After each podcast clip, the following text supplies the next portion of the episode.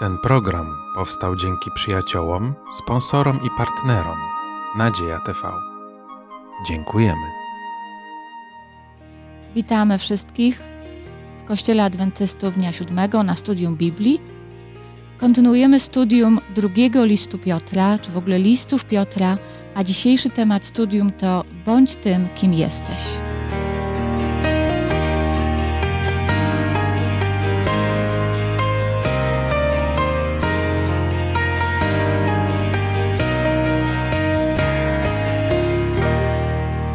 Dzisiejszy temat omawiać będziemy razem z Olgą, Leszkiem, Grzegorzem, a ja mam na imię Małgorzata. Jak zawsze przed studium Biblii pomodlimy się. Zapraszam. Kochany Panie, przychodzimy przed Twoje oblicze, aby podziękować Ci. Podziękować za to, że możemy korzystać z Twojego źródła, Panie.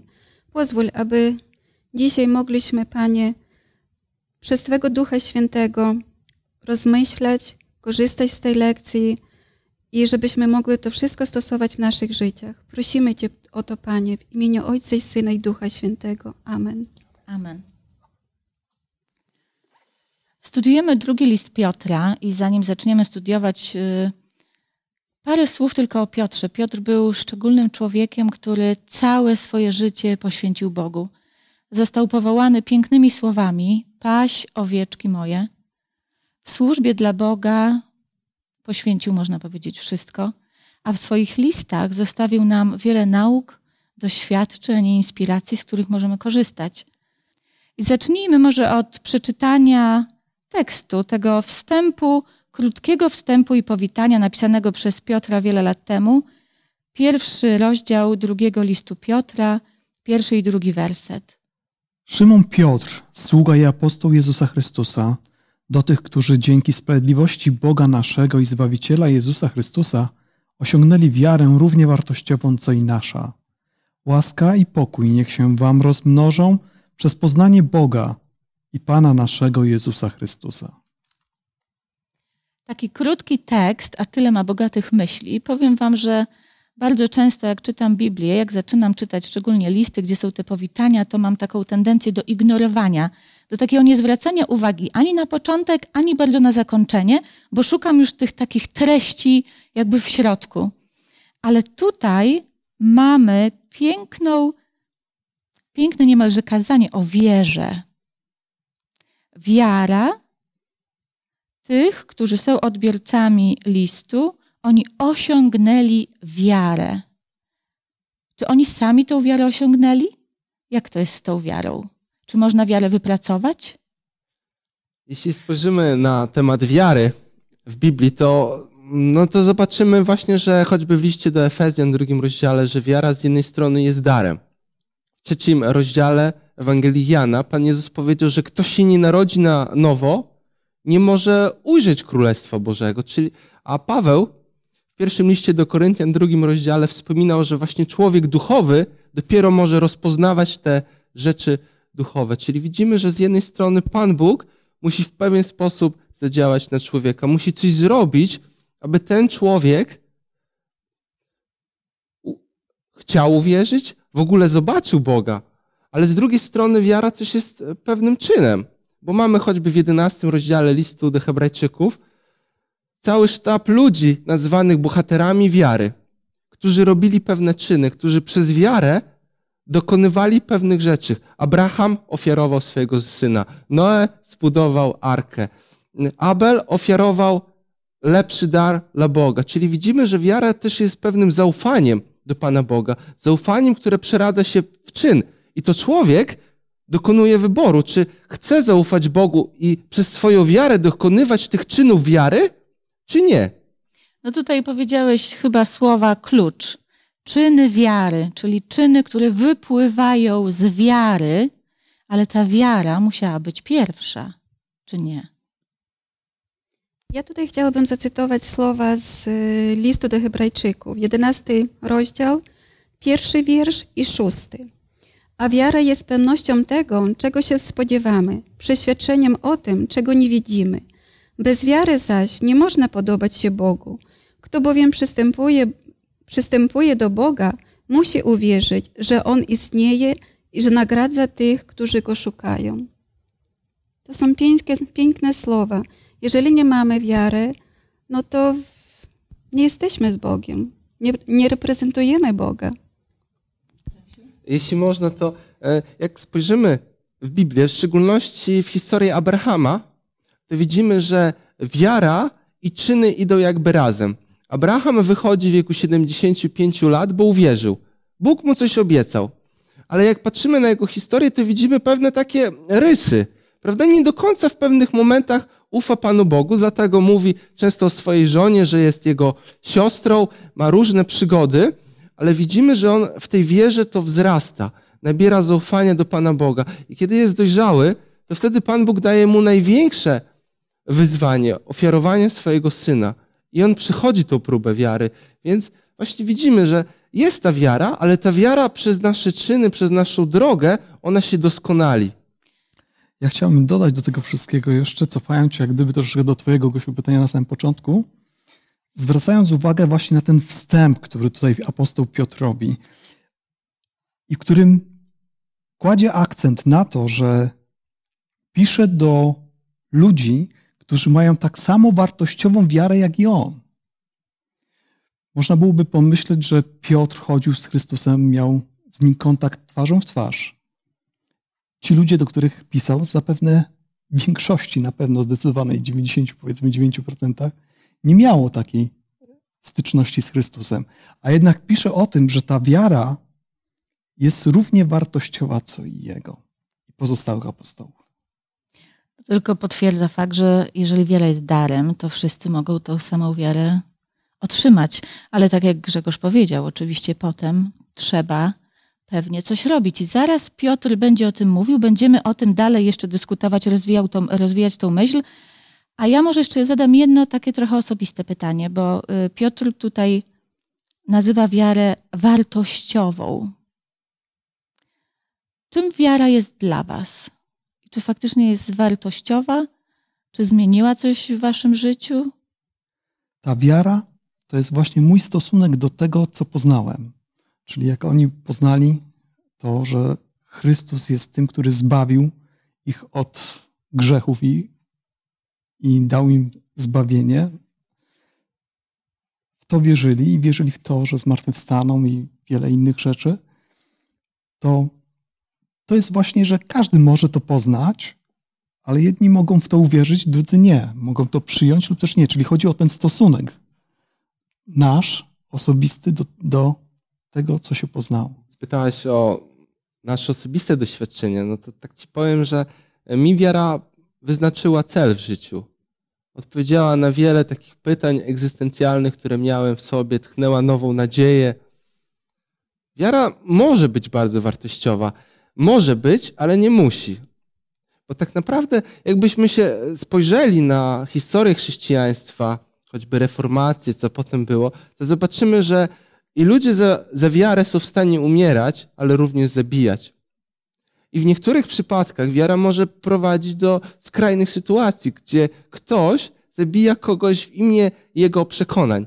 Niedawno czytałem o pewnym fundamental, fundamentaliście chrześcijańskim w Stanach Zjednoczonych, który zabił e, lekarza i jego ochroniarza, bo on dokonywał aborcji i on się z tym nie zgadzał.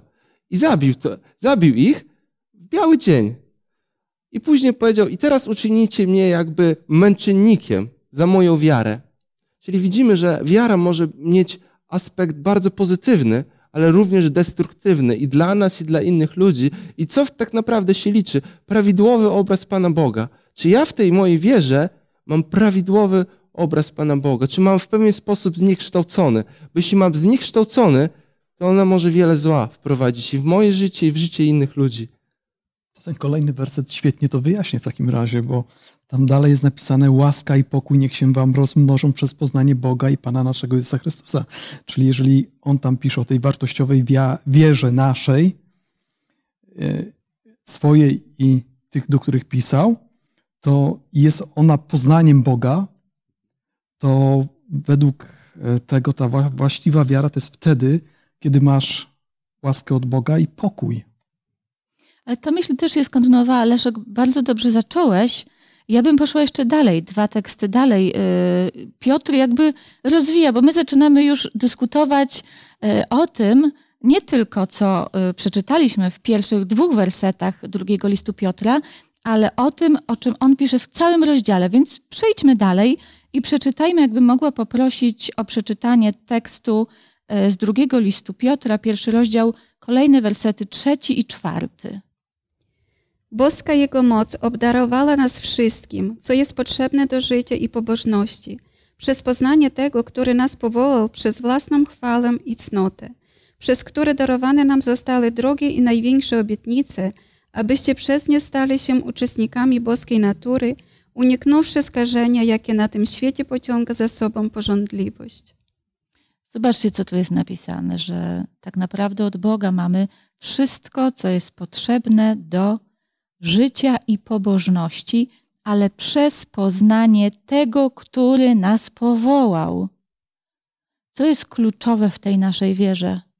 Poznanie Jezusa, faktycznie bycie z Nim. Jeżeli będziemy poznawać Jezusa i będziemy się do Niego coraz bardziej upodabniać, to my nie zejdziemy na tą drogę tej tak zwanej złej wiary. Prawdę powiedziawszy, ja może tak troszeczkę wąsko, ale jak myślę o wierze, to dla mnie prawdziwą wiarą jest, prawdzi- jest wiara w Jezusa, wiara w Ewangelię, która jest przedstawiona w Biblii. I jest bardzo dużo nauk zupełnie sprzecznych z Biblią, i ludzie nie potrafią odróżnić, co jest dobre, a co złe, i wiarę w cokolwiek, w jakiekolwiek ludzkie nauki nazywają wiarą. Ja może faktycznie, tak jak mówiłam, zawężam. Dla mnie wiara, prawdziwa wiara, to jest wiara oparta na Słowie Bożym, na prowadzeniu przez Ducha Świętego, na wdrożeniu w swoim życiu tego, czego Jezus nam uczy, bo tak jak Grzesiu wcześniej mówiłeś bardzo dobrze, wiara z uczynkami jest powiązana i te uczynki są, wynikają z naszej wiary. W tych tekstach mamy jeszcze obietnicę.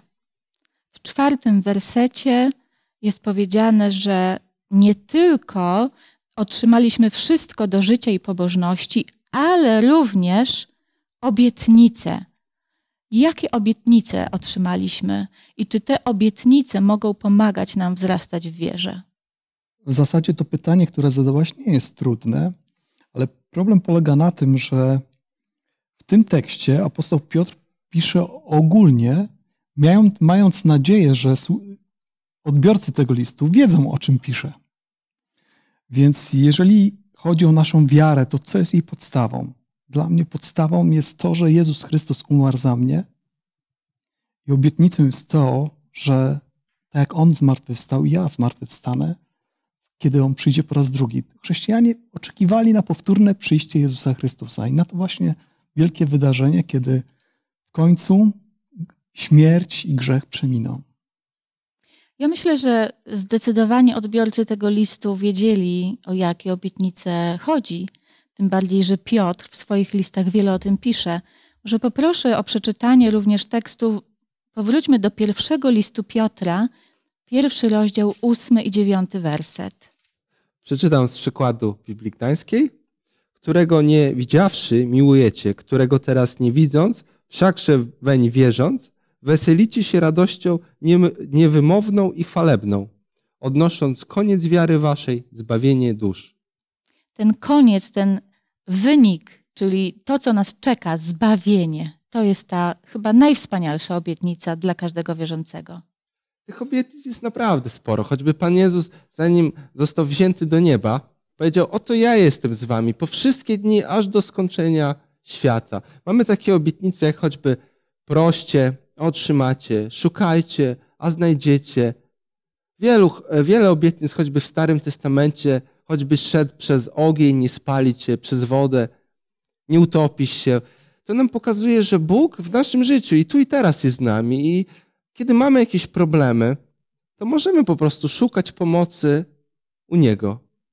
I również, kiedy mamy też piękne chwile, to również możemy się cieszyć razem z Nim i dziękować Mu za to, co, co po prostu mamy. Zobaczcie tu jeszcze w tym samym czwartym wersecie Piotr mówi jeszcze coś, bo oczywiście wcześniej otrzymujemy wiarę, otrzymujemy wszystko, co potrzebne do życia i pobożności, otrzymujemy obietnice, ale po co? Abyście przez nie stali się uczestnikami boskiej natury. Co to znaczy ta boska natura i czy faktycznie my możemy być uczestnikami boskiej natury? Co to oznacza? Kolejna część tego wersetu.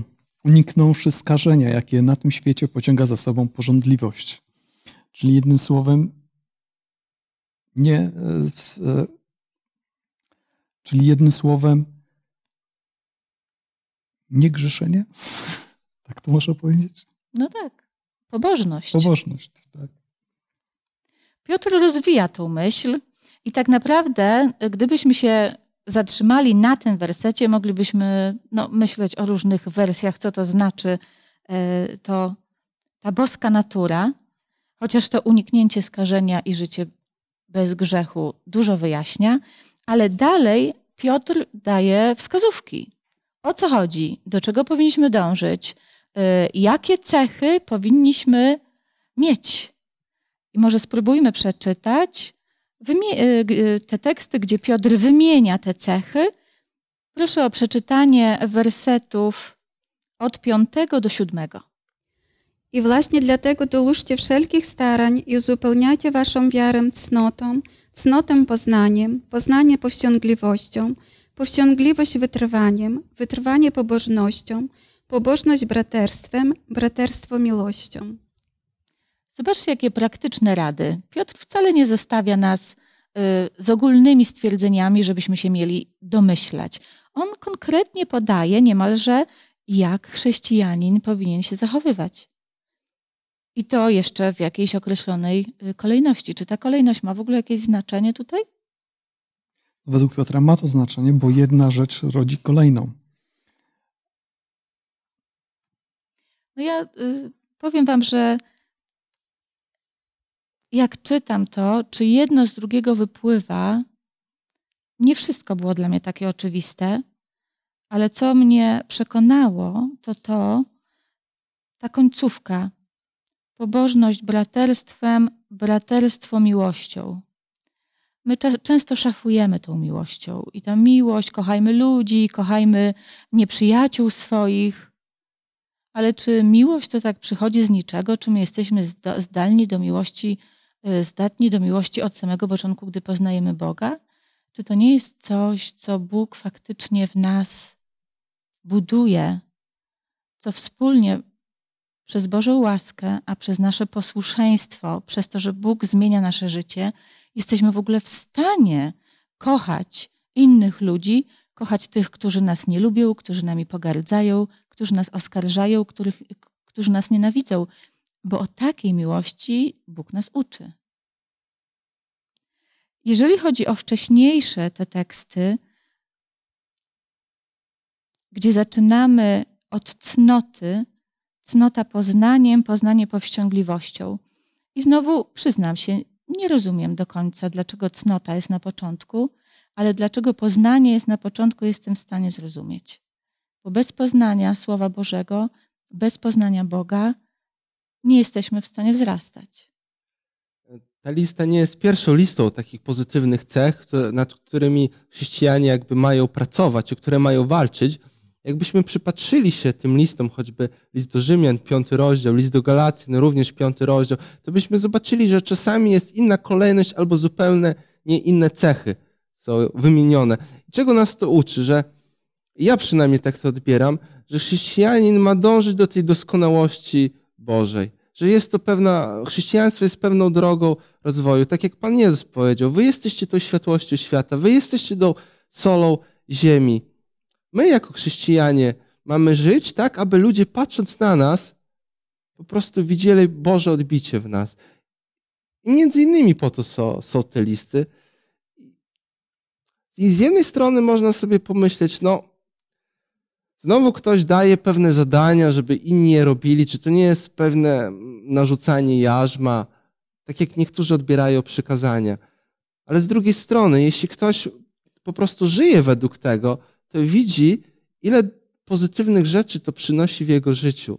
I być może na początku może się zastanawiać, czy to jest aby dobre, ale żyjąc tak i doświadczając później pozytywnych efektów takiego życia, zaczyna rozumieć, że to, co mówi Bóg, jest naprawdę dla Jego, dla jego dobra. No ja powiem Wam, może jeszcze wrócę do tego mojego pytania wcześniej, co wiara, y, czy wiara jest wartościowa i co wiara jakby sprawiła w naszym życiu. Bardzo prosty przykład. Ostatnio, z ostatniego tygodnia spotkałam się z trzema koleżankami z byłej pracy. Wszystkie dosyć długo już pracujemy w różnych firmach. Y, jedna z nas była niedawno na wyjeździe takim z terapią psychologiczną, gdzie spotkała się, gdzie w zasadzie brała udział w zajęciach terapeutycznych dla osób z różnymi problemami, z najróżniejszymi problemami. Y, to były problemy y, nieporozumień z rodzicami, problemy kompletnego postrzegania własnej wartości, obniżania swojej wartości, problemy z pracą, z rodziną, z dziećmi, najróżniejsze. I kiedy tak zaczęłyśmy rozmawiać jedna po drugiej, zaczęły wręcz się pytać y, o tego, y, o zajęcia, a jakie, aby się przydały, a faktycznie dobre, a ja też mam problemy, ja też mam problemy. I w pewnym momencie powiedziały, wiesz co Gośka, ty to jedyna chyba jesteś tu normalna i nie potrzebujesz psychiatry. I to było tak niby śmiechem, żartem i ja prosto odpowiedziałam, dlatego że ja wierzę w Boga i czytam Biblię. I to jest dla mnie najlepsza terapia. Y, I to zdecydowanie, przynajmniej u mnie w życiu, to zaufanie, bez względu na to, co się dzieje. Ja wiem, że Bóg jest w stanie mi pomóc. Bez względu na to, jakie są konflikty. Na kolana, modlitwa. Może czasami to dla człowieka y, niewierzącego dziwnie wyglądać, tak jakbym oddawała całą inicjatywę, ale ja wierzę, że Bóg mnie tak poprowadzi. To nie znaczy, że ja mam siedzieć i absolutnie nic nie robić, ale pierwsze oddać sprawę Bogu. I po prostu jest lżej żyć. Łatwiej. Dobrze, przejdźmy dalej. Y, I ja jeszcze nawiążę, Grzesiu, do tego, co ty powiedziałeś, że czasami wydaje nam się, że tyle rzeczy takich ciężkich musimy zrobić, że to jest jarzmo. I faktycznie Piotr tutaj na samym początku, znaczy w tym wersecie piątym, y, pisze takie znamienne słowa – dołóżcie wszelkich starań. Czy to znaczy, że my mamy coś robić do tej wiary? Czy ona sobie sama rośnie? Czy, czy my mamy coś robić, żeby te cechy u siebie mieć? Czy one same sobie u nas rosną tylko przez to, że my uwierzyliśmy? Na czym polega to staranie się? Żeby było jaśniej, to trzeba byłoby jednak doczytać ten jeszcze werset trochę dalej. I uzupełniajcie waszą wiarę i później są te wymienione wszystkie rzeczy czym. Więc e, no, bez tych rzeczy można na moment zachłysnąć się tym, co Bóg dla mnie zrobił, poznając to i uwierzyć w to. I jeżeli nic nie robimy, wtedy, tak jak to Jezus w przypowieści powiedział, że osiewcy, gdzie tam jedno ziarno tam wpadło na drogę, gdzie przyszły czy gdzie e, ptaki zdaje się, że wydziobały to wszystko, nie? Albo inne miejsce, gdzie jest napisane o, o tym, że padło na skalistą glebę i nie miało możliwości zapuścić korzeni. Tak to jest właśnie z tą wiarą, że jeżeli nie będziemy nic, jeżeli nie będziemy robić coś w tym, żeby tą wiarę pogłębiać e, i co mamy robić, mamy tutaj wyszczególnione, to ta wiara po prostu umrze, bo stanie się bezwartościowa. Czyli z naszej strony jakiś wysiłek jest potrzebny. No oczywiście. Kiedy nawracamy się, kiedy Bóg daje nam swojego ducha, mamy rozeznanie, co jest dobre, co jest złe, możemy spojrzeć z innej strony. Ale również wielokrotnie tego doświadczyłem i przypuszczam, że wy, że wy też. Kiedy są kryzysowe sytuacje, ta stara natura jeszcze się odzywa i czasami mówi, a weź mu jeszcze powiedz. On cię zranił, to weź mu teraz przyłóż solidnie jakieś tam argumenty, żeby poczuł e, mocno, że jednak to ty masz rację. I wtedy też taki cichy głos sumienia się odzywa, ale, ale poczekaj, nie rań innych. I to jest chyba ta, ta walka chrześcijańska, że z jednej strony wiemy, co jest dobre i chcemy czynić dobre, a z drugiej strony nasza ta cielesna natura jeszcze gdzieś tam jest i ona mówi, ale zrób komuś tam krzywdę, ale zrób inaczej. No i kiedy pokonujemy tą naszą cielesność, podejmiamy się tym do, do Pana Boga. I, I chyba o to chodzi w tym chrześcijaństwie. No ja myślę, że jeszcze tutaj znowu Piotr cały ten temat pięknie omawia i też dokładnie to, Grzesiu, co ty mówisz. Yy, I mamy wybór. To nie jest tak, że dostajemy wiarę i potem ona sama sobie rośnie i bez względu na to, co my robimy, to my zawsze skończymy z tym darem zbawienia. Ale przeczytajmy, zanim jeszcze przejdziemy dalej, przeczytajmy właśnie te chyba dwa dosyć trudne teksty, szczególnie yy, dziewiąty, yy, ósmy i dziewiąty werset. Co się dzieje, gdy faktycznie pracujemy nad rozwojem tych zalet, a co się dzieje, gdy nie pracujemy? Jeśli bowiem posiadacie i one się pomnażają, to nie dopuszczą do tego, abyście byli bezczynni i bezużyteczni w poznaniu Pana naszego Jezusa Chrystusa. Kto zaś ich nie ma, ten jest ślepy, krótkowzroczny i zapomniał, że został oczyszczony z dawniejszych swoich grzechów. Czyli są dwie drogi. Czyli coś z naszej strony powinno też za tą wiarą pójść. Tak, ja bym chciał tylko nadmienić, że z tym nawróceniem my nie tylko otrzymujemy pewną świadomość, ale również chęć. Bóg daje ich chcenie i wykonanie. I to jak kiedyś nawet można było przypuszczać, co jest dobre, a co złe, ale to teraz Bóg robi w nas taką chęć, że mimo tego, iż łatwiej jest robić źle, zachować się tak, jak inni się czasami zachowują względem mnie, to ja mam w sobie chęć, aby pójść tą trudniejszą drogą. I dla mnie to jest wspaniałe, że Bóg nie tylko daje nam listę i mówi, słuchaj, tak masz żyć, a jeśli nie, do widzenia. tylko Bóg e, daje ci pewne wytyczne, abyś ciągle mógł się przejrzeć jak, e, jak w lustrze, jak w tym momencie wyglądasz, ale również daje ci chęć, abyś również według tego chciał żyć i również daje ci moc, abyś tego, według tego był w stanie żyć. I to jest piękne. No ja chciałbym powiedzieć, że o wierze, to znaczy dać taki przykład, jeżeli chodzi o wiarę, że jeżeli wi, e, nigdy e, byśmy, załóżmy to, że nigdy byśmy się nie uderzyli młotkiem w paluszka, no to możemy wierzyć w to, że jak się uderzymy, to będzie nas bolało, nie? Ale jak tego doświadczymy, to, to wierzcie mi, jesteśmy o tym głęboko przekonani, że tak jest, nie? To nie jest już tylko wiara, nie? No tak, I tak jest podobnie z doświadczeniem naszym życiowym i odnośnie tego, bo chodzi o to wszystko, żeby poznać Jezusa. Co znaczy poznać Jezusa? To znaczy doświadczyć tego, co On.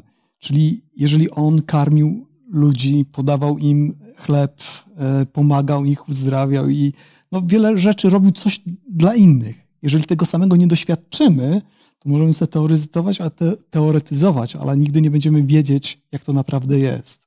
Nie doświadczymy, nie będzie tej głębokiej takiego, nie będzie tego takiego głębokiego poznania, doświadczenia. Tu bym dał znak równości pomiędzy tymi dwoma słowami. No, Jezus y, bardzo często nawoływał do naśladowania. Naśladujcie mnie. Y, wiele jest tekstów pięknych w Ewangeliach, gdzie tego nas uczy. On przez swoje życie pokazywał, ale też przez swoje świadczenie, przez, możemy powiedzieć, kazania, słowami i czynami pokazywał, jak mamy żyć. To, co ja, ja bym powiedziała jeszcze trochę podsumowując tą część z naszej strony, jedyne, czego Bóg od nas wymaga, to posłuszeństwa.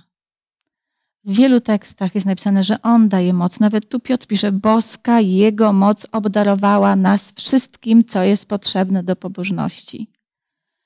Nasz wysiłek, ja bym powiedziała, no, kiwanie głową, tak? Ale kiwanie głową pociąga za sobą właśnie to, co Leszku powiedziałeś. Podążanie za nim i robienie tego, co on robił i czego nas chce nauczyć. Ja bym jeszcze tutaj nadmienił, że Bóg to wszystko e, buduje na pewności zbawienia, którą nam daje. Tak jak napisał Jan w piątym rozdziale pierwszego listu, to wam napisałem, abyście wiedzieli, że macie żywot wieczny. Kto ma syna, ma życie, kto nie ma syna, nie ma żywota wiecznego. I Bóg na początku daje nam poczucie akceptacji z Jego strony. Poczucie tego, że Bóg naprawdę nas przyjmuje, jesteśmy częścią Jego rodziny, że o Boże względy nie trzeba walczyć. Bo jakby tego nie było, to byśmy weszli w uczynkowość. I zbawienie tak naprawdę z uczynków. Ale Bóg buduje taką nam strefę komfortu, tak jak w rodzinie rodzice budują dla dziecka i dziecko, kiedy ma świadomość tego, że rodzice go kochają, chcą dobrze, to no, potem naturalnie chce, chce robić tak, jak mówią rodzice, bo wie, bo wie, że oni mają rację. I tak samo jest z chrześcijaństwem. No to jest posłuszeństwo z wyboru i z miłości versus posłuszeństwo ze strachu czy z innych powodów. Chciałabym wrócić jeszcze do tego ósmego wersetu, który jest takim trudnym wersetem, przynajmniej dla mnie, dlatego że mówi, że jeżeli będziemy pomnażać te cechy, to nie dopuszczą one do tego, abyście byli bezczynni i bezużyteczni w poznaniu Pana naszego Jezusa Chrystusa. Co to znaczy być czynnym i użytecznym? I czy faktycznie wszyscy chrześcijanie, którzy uwierzą w Boga, są czynni i użyteczni? Czy, czy każdy z nas jest czynny i użyteczny? Czyli ostateczną tą e, wynikiem ma być miłość. I ta miłość nie może być jakimś czymś abstrakcyjnym, jakimś uczuciem jedynie, bo miłość jest wtedy, kiedy nie tylko mówimy, że kochamy kogoś, ale też i postępujemy według tego, żeby ta druga osoba mogła powiedzieć, o faktycznie on mnie kocha, nie? Bo jeżeli tylko będziemy mówić, to nie robi to takiego wrażenia. Pomnażając te cechy, w ogóle żyjąc po chrześcijańsku, modląc się, studiując Boże Słowo, nawiązujemy bliższą relację z Panem Bogiem i przez to też uczymy się patrzeć na świat Bożymi oczyma. Uczymy się patrzeć na innych ludzi, tak jak na nich patrzy Bóg. Uczymy się patrzeć na Boga, tak jak On na siebie patrzy.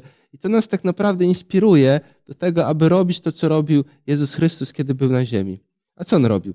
Objawiał Boga Ojca swojego i głosił Królestwo Boże.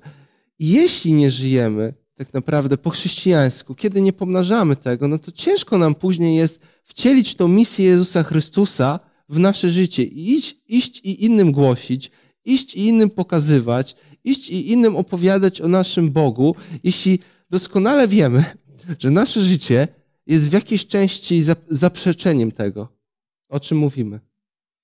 Czyli tak naprawdę to jeżeli te cechy się pomnażają, jeżeli my jesteśmy użyteczni, jeżeli jesteśmy czynni, to chyba stajemy się kimś innym. I chyba też Piotr, zobaczcie, jakie życie Piotr miał i jaką drogę musiał przejść, jeżeli z osoby, która zaparła się Jezusa, która wyparła się i to trzy razy się wyparła, zaraz tutaj, nawet w tym liście, będąc przed śmiercią i wiedząc o tym, że niedługo umrze, on jest gorliwy, on jest czynny, on faktycznie służy Bogu, służy innym ludziom. Nie boi się niczego, chce pracować dla Pana. Jak Bóg zmienił Piotra. Przeczytajmy może tekst, który o tej zmianie mówi e, z drugiego listu do Koryntian, piąty rozdział i siedemnasty werset. Tak więc, jeśli ktoś jest w Chrystusie, nowym jest stworzeniem. Stare przeminęło, oto wszystko stało się nowe. Zobaczcie, jakie piękne słowa, jednocześnie trudne też. Stare przeminęło. Wszystko stało się nowe. I to uzupełnia ten tekst, który tutaj Piotr mówi. On też wymienia cechy, które nie każdy z nas miał przed poznaniem Jezusa. I nie każdy teraz na świecie takie cechy. Rzadko kto w ogóle te cechy ma. Już nie będę mówiła, że czasami i nam ich trochę brakuje. To jest ta zmiana, ten nowy człowiek, do którego, do tej zmiany powołał nas Jezus. Chciałam nawiązać do tego, w zasadzie do tematu dzisiejszego rozważania. Bądź tym, kim jesteś. Bóg powołał nas do nowego życia, do tego, żebyśmy się stali nowym człowiekiem, do tego, żebyśmy obfitowali dzięki temu, żebyśmy byli czynni i użyteczni. Czy jesteśmy tym nowym człowiekiem? Oczywiście, upadki nam się zdarzają. No komu z postaci biblijnych poza Jezusowi Chrystusowi się upadki nie zdarzały? Jak przyjrzymy się patriarchom, prorokom, apostołom, wszystkim zdarzały się upadki, czasami bardzo wielkie upadki. I Piotrowi również zdarzały się upadki na drodze jego chrześcijańskiego życia, kiedy uwierzył i poszedł. Ale co w tym wszystkim jest najpiękniejsze? I przywołam teraz historię, kiedy Piotr się trzy razy zaparł Jezusa. To mimo tego, że Piotr się trzy razy zaparł Jezusa, to Jezus nie zaparł się Piotra. Jezus nie zmienił swego uczucia względem Piotra, nie zmienił swego posłannictwa względem Piotra, tej misji, którą mu przeznaczył. I to jest dla nas wielką nadzieją, że w tym dążeniu do doskonałości mamy piękne chwile, ale czasami też chwile, kiedy potyka nam się noga. I możemy mieć pewność, że kiedy nam się potnie noga i upadniemy, ale chcemy wrócić, bo Bóg wie, że Go naprawdę Go kochamy, to Bóg nie zmienia swego zdania o nas, nie zmienia swojej, swego powołania, które miał dla nas. Co jest najważniejsze na tej drodze? Bo faktycznie, czy my stoimy w miejscu i tak czasami upad... idziemy dwa kroki do przodu, dwa kroki do tyłu, dwa kroki do przodu, dwa kroki do tyłu w tym naszym doświadczeniu wiary? Że tak jest, to jest e, bardzo często coś dobrego. Bo popatrzcie, najwięcej się uczymy przez takie trudne doświadczenia.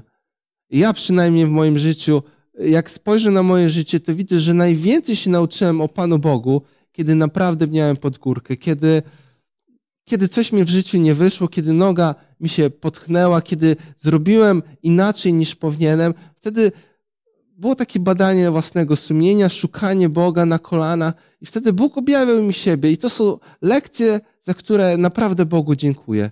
A czy, tym, czy dzięki tym doświadczeniom wzrastamy, czy nie? Czy jakbyście spojrzeli na siebie sprzed pięciu czy dziesięciu lat, jesteście tacy sami? No, mi się powiększyły zakola i lekka łysina się pojawia, tak fizycznie, ale duchowo to naprawdę widzę, że przez te lata Bóg mnie uczy takiej empatii, patrzenia na innych ich oczami.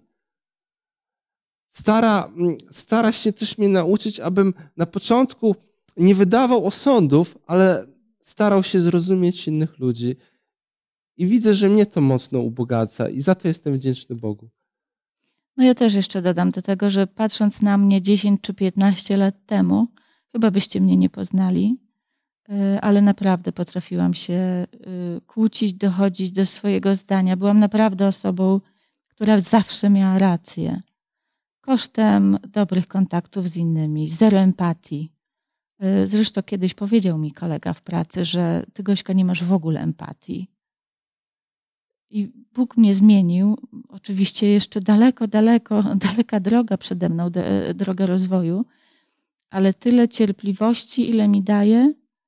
E, zresztą moje dzieci też mogą poświadczyć, jak się zachowywałam jeszcze parę lat temu i ile krzyczałam, a jak się zachowuję teraz. I znowu też zdarza mi, zdarzają mi się nerwowe sytuacje, ale sposób radzenia sobie z tymi wszystkimi sytuacjami, które nas otaczają, są zupełnie odmienne.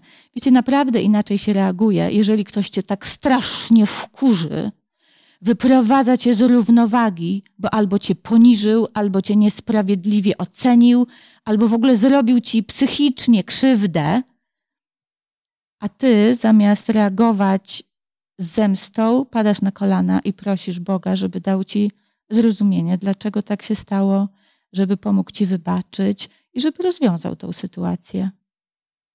I to jest chyba ta największa zmiana, która przynajmniej wydarzyła się w moim życiu. Drodzy, bardzo dziękuję za tą dyskusję i jeszcze na sam koniec yy, takie podsumowanie i apel do nas wszystkich. To jest piękna lekcja o, o transformacji, którą Bóg chce zrobić w naszym życiu o tym, żebyśmy się stali nowym człowiekiem i może wykorzystajmy tę, chwilę. Wykorzystaj tą chwilę, spójrz na siebie, na swoje życie. Pomyśl, czy faktycznie wierzysz w Boga? Czy pamiętasz, do czego Bóg Cię powołał? Do jakiej służby? Czy faktycznie jesteś czynny w tej służbie? czy dzięki tej mocy Bożej, która nam dała wszystko, które jest potrzebne do bogobojnego, do, do życia z Nim, faktycznie tak żyjesz? Jezus powołał Piotra, mówiąc: Paś owieczki moje. W ten sposób powołuje każdego z nas. Czy dbamy o te owieczki, które Jezus nam powierza? To są bardzo osobiste pytania, ale piękne jest to, co tutaj często było powtarzane dzisiaj, że w każdej chwili możesz do Boga przyjść. W każdej chwili. On chce Ci dać wiarę, moc, dary, zdolności, a jedyne, co musisz zrobić, to być posłuszny. Bóg również, tak jak jest napisane w liście do Rzymian, współdziała we wszystkim ku dobremu z tymi, którzy Boga miłują. To jest z tymi, którzy według postanowienia Jego są powołani. Bo tych, których przedtem znał, przeznaczył właśnie, aby się stali podobni do obrazu Syna Jego. A On, żeby był pierworodnym pośród wielu braci. A których przeznaczył, tych i powołał. A których powołał, tych i usprawiedliwił a których usprawiedliwił, tych i uwielbił. Bóg Cię uwielbił. Zakończmy te studium modlitwą. Grzesiu, zapraszam Cię do modlitwy. Panie nasz kochany święty Ojcze, dziękujemy Ci za to, że mogliśmy otworzyć Twoje słowo i od Ciebie uczyć się tych ważnych prawd. I prosimy, aby to nie była tylko teoria, to nie były tylko słowa, abyś nasze myśli, nasze chęci przemieniał w czyny, abyś nas inspirował, abyś pokazywał nam jak i umacniał nas w wierze i w takim chrześcijańskim życiu. W Twoje ręce się oddajemy przez Chrystusa, Pan naszego. Amen. Amen. Drodzy, bardzo dziękujemy za udział razem z nami w tym studium.